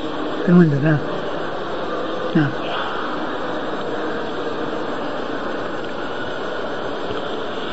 عن جرير. جرير بن عبد الله البجلي رضي الله عنه وحديثه أخرجه أصحاب كتب الستة. إذا غلب على الظن أن هذا الذي يفعل المنكر لا يتبع بالنصح فهل يترك؟ فتكون الآية على ظاهرها. عليكم أنفسكم لا يضركم من ضل. شيخنا الشيخ الشنقيط رحمة الله عليه يقول بهذا يقول هذا يعني أن كما جاء نفعت الذكرى يعني إذا كان يعني سيحصل تحصل الفائدة. ولكن يعني آه الإنسان أن يكون يبذل النصيحة هو على خير. هو على خير. يعني قبلت النصيحة ولم تقبل.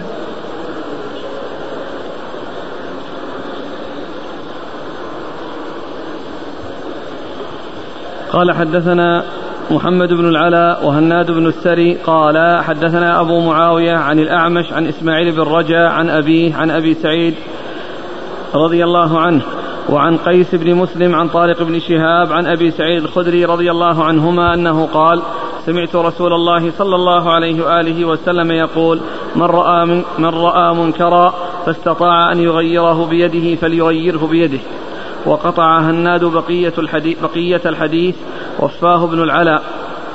فإن لم يستطع فبلسانه فإن لم يستطع ف فبلسانه فإن لم يستطع بلسانه فبقلبه. وذلك أضعف الإيمان. ثم ورد أبو داود حديث أبي سعيد الخدري رضي الله عنه. أن النبي صلى الله عليه وسلم قال من رأى منكم ما كان فليغير بيده فلم يستطع بلسانه فلم يستطع بقلبه وذلك أضعف الإيمان. وهذا لفظ في مسلم. وأبو داود هنا ذكره عن شيخين. أحد شيخيه النادي بن السري ذكره مختصرا. يعني وقف عند قوله من رأى منكم منكرا فاستطاع أن يغيره بيده فليغير بيده. وأما شيخه الثاني الذي هو محمد بن العلاء أبو كريب فوفاه. يعني أتى به وافيا وأتى به كاملا حيث قال بعد ذلك فمن لا فإن لم يستطع فبلسانه. نعم. يعني يستطع بيده فإن لم يستطع فبقلبه وذلك أضعف الإيمان.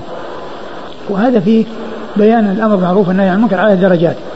الدرجة الأولى هي التغيير باليد التي يكون معها إزالة المنكر والقضاء عليه. وهذا يكون ممن يملكه كالسلطان ونواب السلطان الذين يستطيعون أن يغيروا المنكر بأيديهم وبقوتهم. و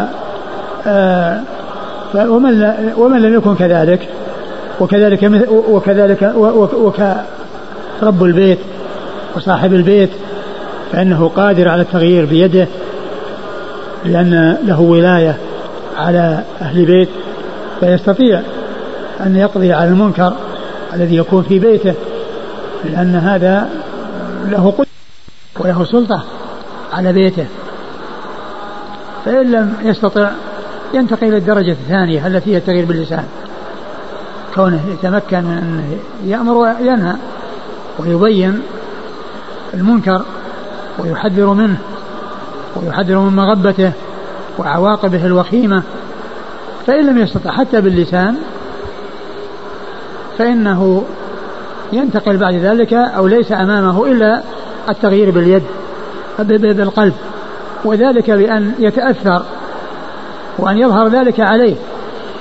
ليس بمجرد يعني كونه آآ آآ في قلبه أو أنكر بقلبه ولكنه يعني ما ظهر ذلك على على وجهه وعلى صفحات وجهه.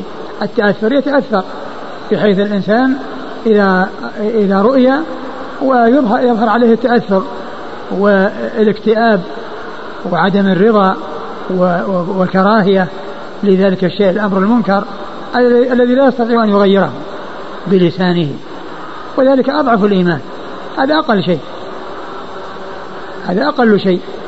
كل الإنسان يعني ينكر بقلبه لأنه لا يستطيع ما هو أعلى من ذلك. لا يستطيع ما هو أعلى من ذلك. والحديث من جوامع كلم الرسول الكريم عليه أفضل الصلاة وأتم التسليم. وقد اختاره النووي من جملة الأربعين التي جمعها وهي تبلغ 42 حديثا وهي من جوامع الكلم ولهذا أضاف إليها بالرجب ثمانية أحاديث فأكمل الخمسين وشرحها في مجلد سماه جامع العلوم والحكم في شرح خمسين حديثا من جوامع الكلم.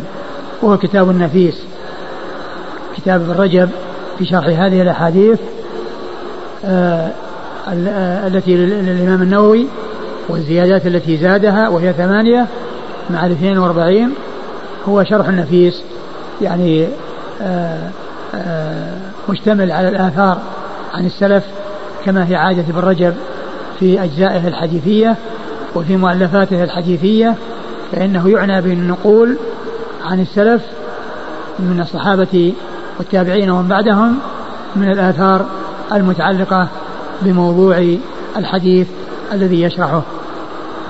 وهو كتاب نفيس وكتاب عظيم. نعم. قال حدثنا محمد بن العلاء. محمد بن العلاء بن كريب أبو كريب. ثقة أخرج له أصحاب الكتب الستة.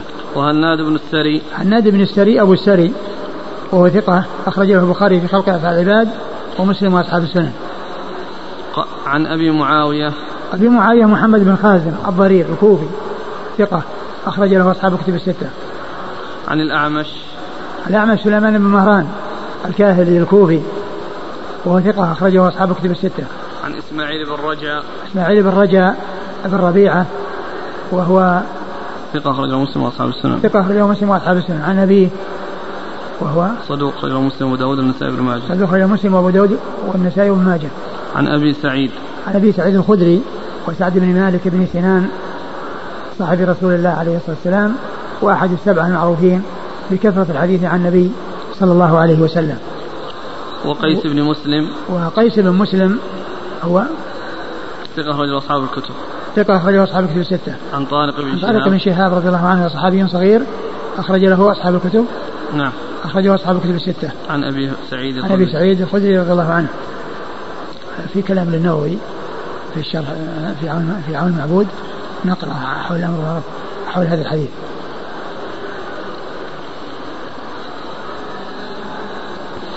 قال النووي رحمه الله تعالى في شرح مسلم ثم إن الأمر بالمعروف والنهي عن المنكر فرض, فرض كفاية. إذا قام به بعض الناس سقط الحرج عن الباقين وإذا تركه الجميع أثم كل من تمكن منه بلا عذر ولا خوف. ثم إنه قد يتعين كما إذا كان في موضع لا يعلم به إلا هو أو لا يتمكن من إزالته إلا هو. قال العلماء ولا يسقط عن المكلف الأمر بالمعروف والنهي عن المنكر لكونه لا يفيد في ظنه بل يجب عليه فعله. فإن, فإن الذكرى تنفع المؤمنين. والذي عليه الأمر والنهي والذي عليه الأمر والنهي لا القبول. ولا يشترط في الآمر والناهي أن يكون كامل الحال ممتثلا ما يأمر به مجتنبا ما ينهى عنه. بل عليه الأمر وإن كان مخلا بما يأمر به والنهي وإن كان متلبسا بما ينهى عنه. فإنه يجب عليه شيئان أن يأمر نفسه وينهاها ويأمر غيره وينهاه. فإذا أخل بأحدهما كيف يباح له الإخلال بالآخر؟ وينبغي للآمر بالمعروف والناهي عن المنكر أن يرفق ليكون أقرب إلى تحصيل المطلوب. فقد قال الإمام الشافعي رضي الله عنه من, من وعظ أخاه سرا فقد نصحه وزانه ومن وعظ ومن وعظه علانية فقد فضحه وشانه. قال وهذا الباب أعني باب الأمر, باب الأمر بالمعروف والنهي عن المنكر قد ضيع أكثره من أزمان متطاولة ولم يبق منه في هذه الأزمان إلا رسوم قليلة جدا وهو باب وهو باب عظيم به قوام الأمر وهو باب عظيم به قوام قوام الأمر وملاكه وإذا كثر الخبث عم العقاب.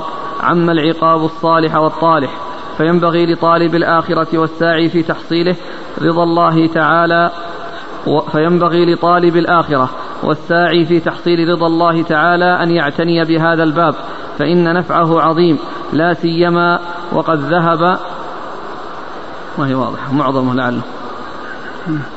هكذا. معظمه؟ وقد ذهب معظمه ويخلص ويخلص نيته ولا يهاب من ينكر عليه لارتفاع, مرتبته. فإن الله تعالى قال ولينصرن الله من ينصره وقال ولا يتاركه أيضا لصداقته ومودته ومداهنته وطلب الوجاهة عنده ودوام المنزلة لديه. فإن صداقته ومودته توجب له حرمة وحقا ومن حقه أن ينصحه ويهديه إلى مصالح آخرته وينقذه من مضارها وصديق الإنسان ومحبه هو من يسعى في عمارة آخرته في عمارة آخرته وإن أدى ذلك إلى نقص في دنياه وعدوه من سعى في ذهاب دينه أو نقص آخرته. وإن حصل بسبب ذلك صورة نفع في دنياه وعدوه من سعى في ذهاب دينه أو نقص آخرته وإن حصل بسبب ذلك صورة نفع في دنياه. انتهى ملخصا. حصل ولا حصل ممكن ممكن حصل أو حصل وإن حصل بسبب يعني ذلك اللي هو ذلك الآمر أو العدو. نعم. وعدوه من سعى في ذهاب دينه أو نقص آخرته. نعم. وإن حصل بسبب ذلك صورة نفع في دنياه. لأن هذاك يقول وإن فاته شيء. في الأول قال وإن فاته شيء. يعني اللي هو الصديق. يعني كونه يعني يأمر وينهى ولو فاته شيء بسبب الأمر والنهي. وهذا عكسه. نعم. انتهى. نعم. انتهى الكلام فيما يتعلق بالأمر نعم. والله تعالى أعلم وصلى الله وسلم وبارك على عبده ورسوله نبينا محمد وعلى آله وأصحابه أجمعين.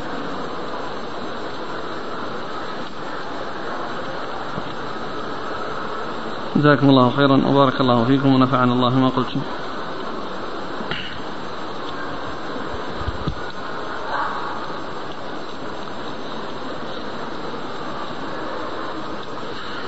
هل يشترط في المرتبة الثالثة الإنكار بالقلب؟ مفارقة المكان التي حصل فيه المنكر؟ أقول لا شك أن مفارقة المكان هذا أيضا يعني يؤثر أقول يؤثر ويفيد. لكن هل يكفي فقط القلب دون أن يخرج؟ مع أنهم لا زالوا ماضين في منكرهم وهو جالس معهم ويقول أنا أنكر بقلبي بس. والله الخروج الخروج يعني متاركتهم وعدم مجالستهم. لا شك أن هذا هو الذي فيه السلامة لا.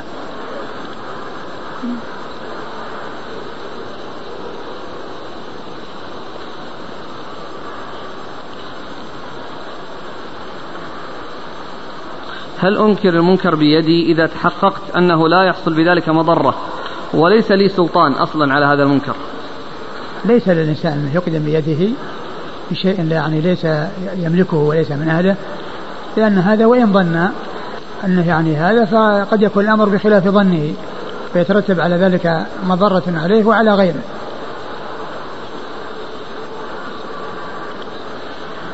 يقول نرى بعض الناس يدعون أو يسلمون على قبر على النبي صلى الله عليه وسلم من بعد فهل يجب علينا أن نأمرهم وننهاهم أم يكفي قيام هيئة الأمر المعروف بذلك؟ قد يكون آه، يعني الهيئة والمسؤولين ما رأوا ما رأوا هذا الشخص الذي رأيته. وكونك تنبهه وترشده إلى أن هذه الهيئة غير صحيحة. وشيخنا الشيخ عبد العزيز بن باز رحمة الله عليه يقول في منسكه في آخر المنسك عند الكلام على الزيارة زيارة المدينة يقول أن هذا أقرب إلى الجفا منه إلى المحبة والصفاء.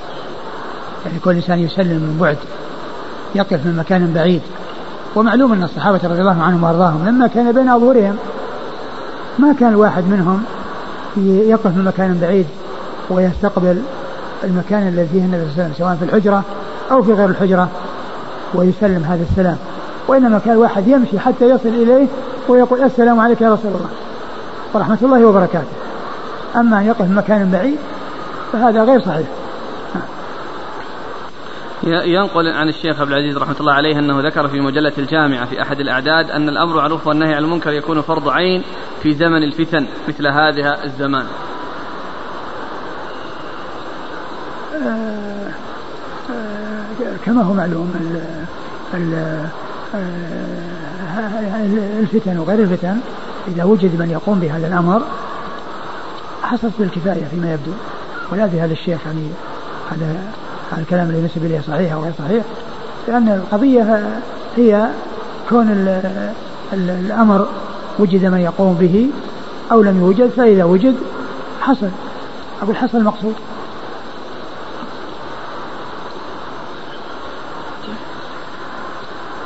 يقول أحيانا نركب مع أصحاب السيارات يفتحون شريط الغناء ونقول لهم لا نحب أن نسمع هذا فهل لا سكرت أو أغلقت هذا؟ فيفعل.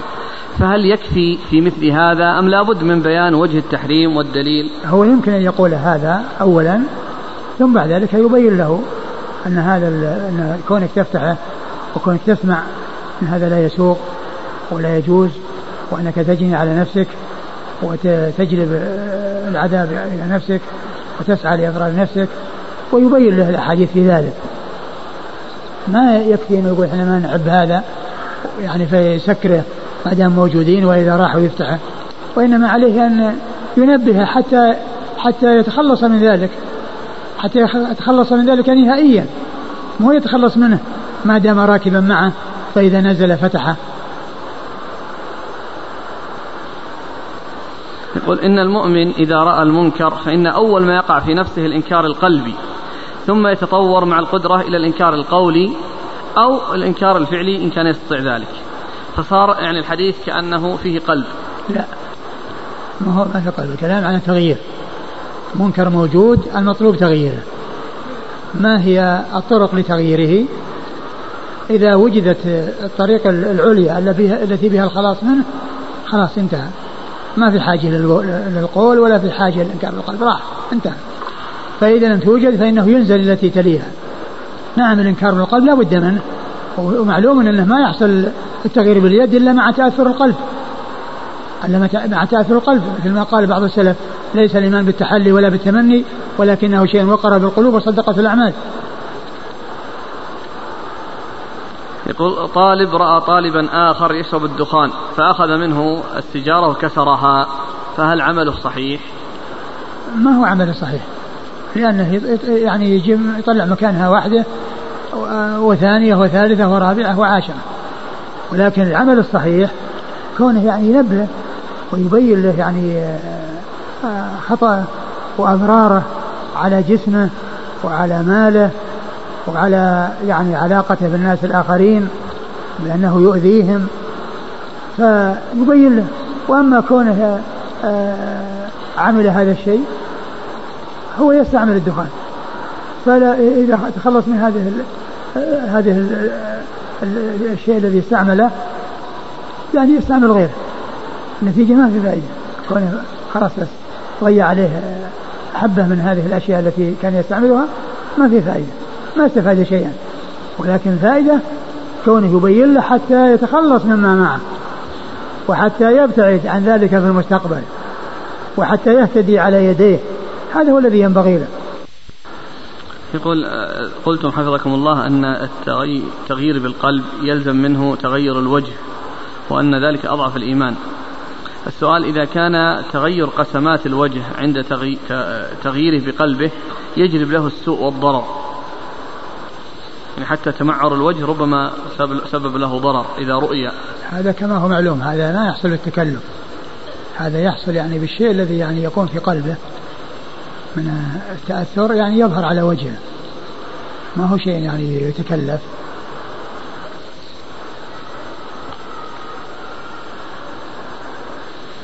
هل هناك فرق بين النصيحة والإنكار؟ آه، آه، النصيحة يعني كما هو معلوم تكون بأعم يعني تكون بالأمر والنهي. وأما الإنكار يكون في النهي وفي الأمور المحرمة. وأما النصيحة فهي عامة تكون في الأوامر والنواهي. الدعوة إلى كل خير والتحذير من كل شر فهي أعم من الإنكار. الذي لا يستطيع تغيير المنكر إلا بالقلب هل يدل هذا على أن إيمانه ضعيف؟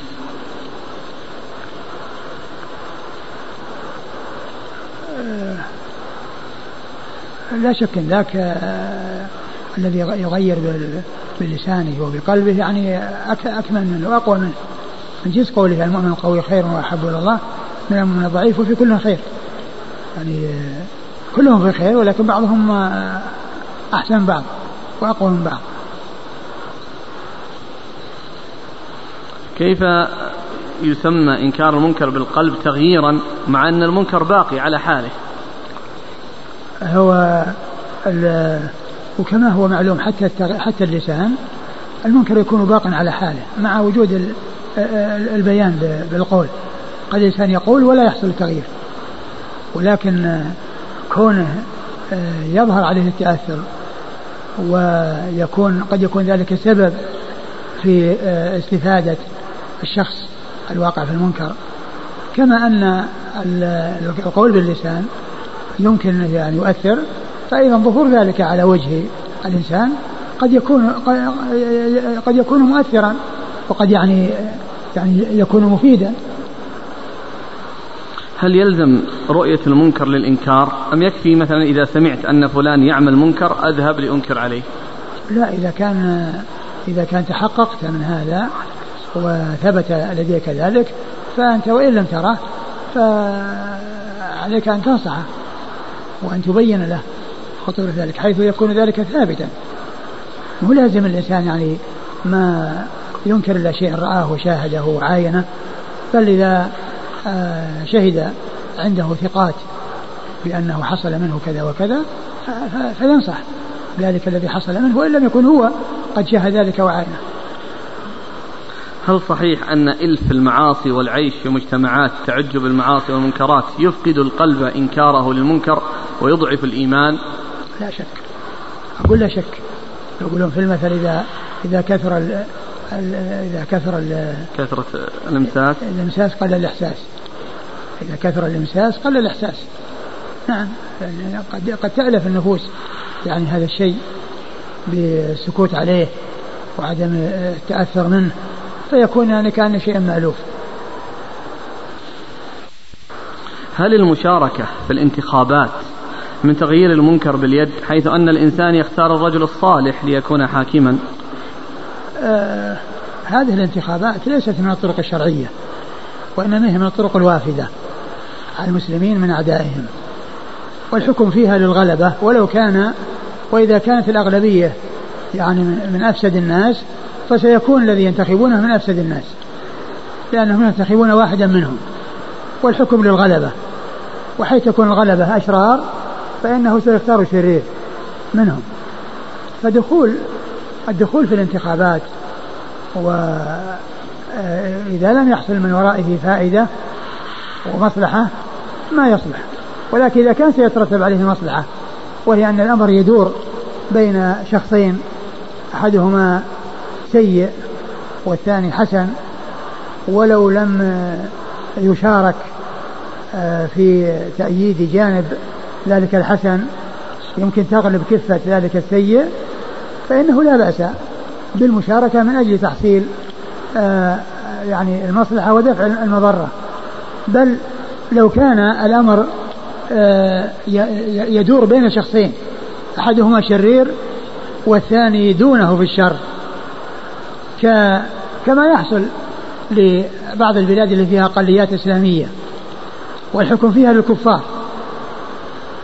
فإذا صار الأمر يدور بين كافرين أحدهما شديد الحقد على المسلمين وشديد المعاداة لهم ويضيق عليهم ولا يمكنهم من أداء شعائرهم والثاني مسالم ومتعاطف مع المسلمين وليس عنده الحقد الشديد عليهم.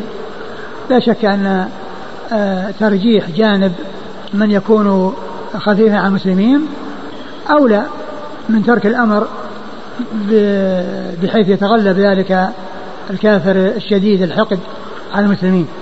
ومعلوم أن أنه جاء في القرآن أن المسلمين يفرحون بانتصار الروم على الفرس. هم كلهم كفار. كلهم كفار. لكن هؤلاء أخف لأن هؤلاء ينتمون إلى دين وأولئك يعبدون الأوثان ولا ينتمون إلى دين. وإن كان الجميع كلهم كفار لكن بعض الشر أهون من بعض. ومن قواعد الشريعة ارتكاب أخف الضررين في سبيل التخلص من أشدهما. إذا ارتكب أخف الضررين في سبيل التخلص من أشدهما فإن هذا أمر مطلوب. الحاصل أن الانتخابات في الأصل أنها يعني وافدة على المسلمين وليست من من من من مما جاء به دينهم والمشاركة فيها إذا كان الأمر سيترتب على ذلك آه، ترجيح جانب من فيه خير على من فيه شر ولو ترك ترجح جانب جاء من فيه شر فلا بأس. وكذلك من يكون آه، كل منهما شرير ولكن أحدهما أخف وأريد ترجيح جانب ما كان أخف كما ذكرت في حق الكافرين الذين يرجح جانب أحدهما من أجل عدم آه، حصول الضرر من ذلك الذي يكون أشد خبثا وأشد حقدا على المسلمين. فإنه والحالة هذه يسوغ من أجل من, من, من هذه القاعدة ارتكاب خف الضررين في سبيل التخلص من أشدهما. هذا يريد أن يتأكد من فهمه لهذا الكلام. يقول فأفهم يا شيخ أن الانتخابات الآن في هذا الزمان من الأفضل الاشتراك فيها لنصرة الخير فقط. كيف؟ يعني, يعني يريد أن يتأكد من هذه الفتوى التي أنتم الآن ذكرتموها. نعم. يقول يقول لا يجوز أن يشارك في الانتخابات إلا إذا كان الأمر يدور بين يعني خير وشرير وإذا لم يشارك في تأييد الخير سيتقدم الشرير على غيره يجوز الدخول في الانتخابات من أجل تحصيل هذه المصلحة. أو يكون اثنان آه، آه، خبيثان ولكن أحدهما أحد أشد أخف على المسلمين من آه، كل منهما كافر ولكن أحدهما أخف من الآخر ويمكنهم من إقامة شعائرهم.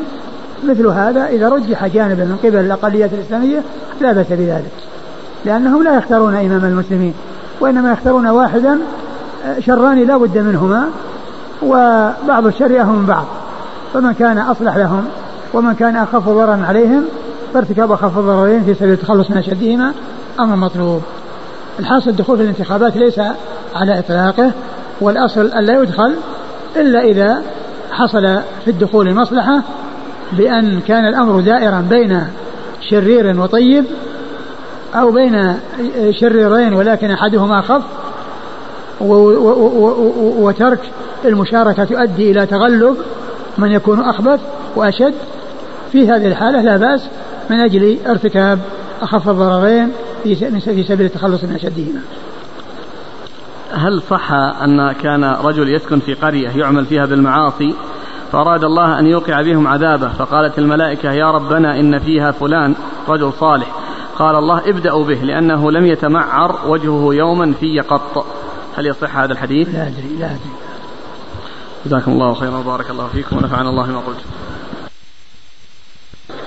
بسم الله الرحمن الرحيم. الحمد لله رب العالمين والصلاة والسلام على عبد الله ورسوله نبينا محمد وعلى آله وصحبه أجمعين. أما بعد قال الإمام أبو داود السجستاني في باب الأمر والنهي.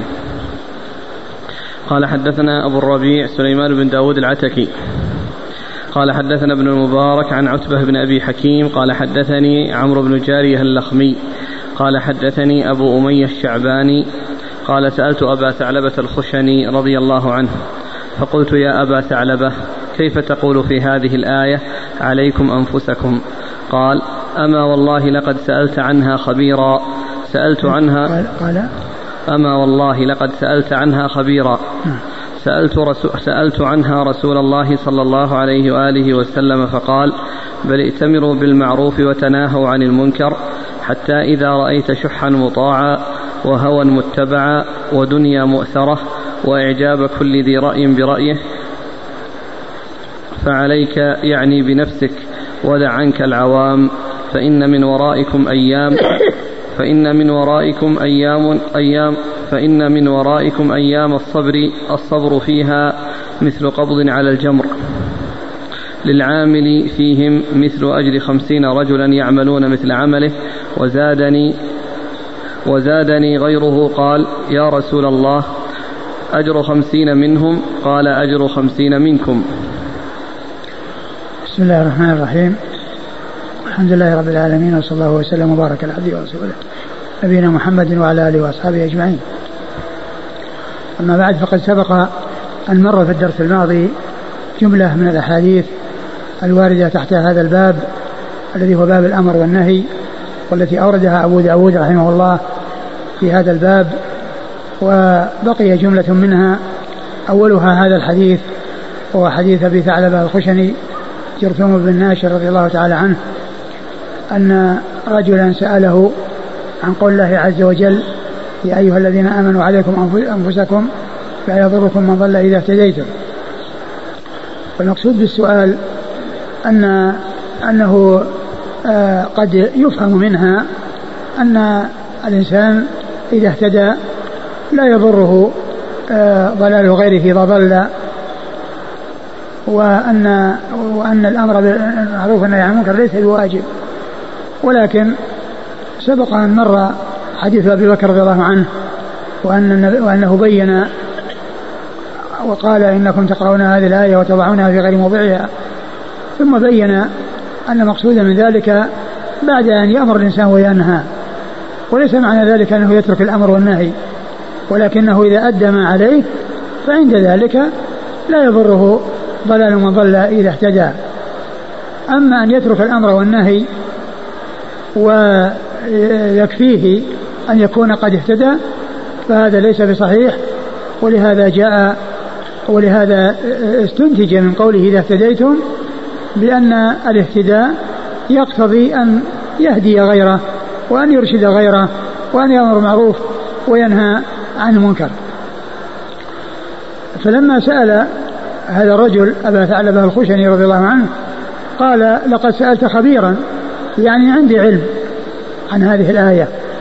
عندي علم يعني فيها لقد سألت خبيرا. فيريد أن يؤكد له أن الجواب عنده وأنه سأل من عنده علم في هذا السؤال.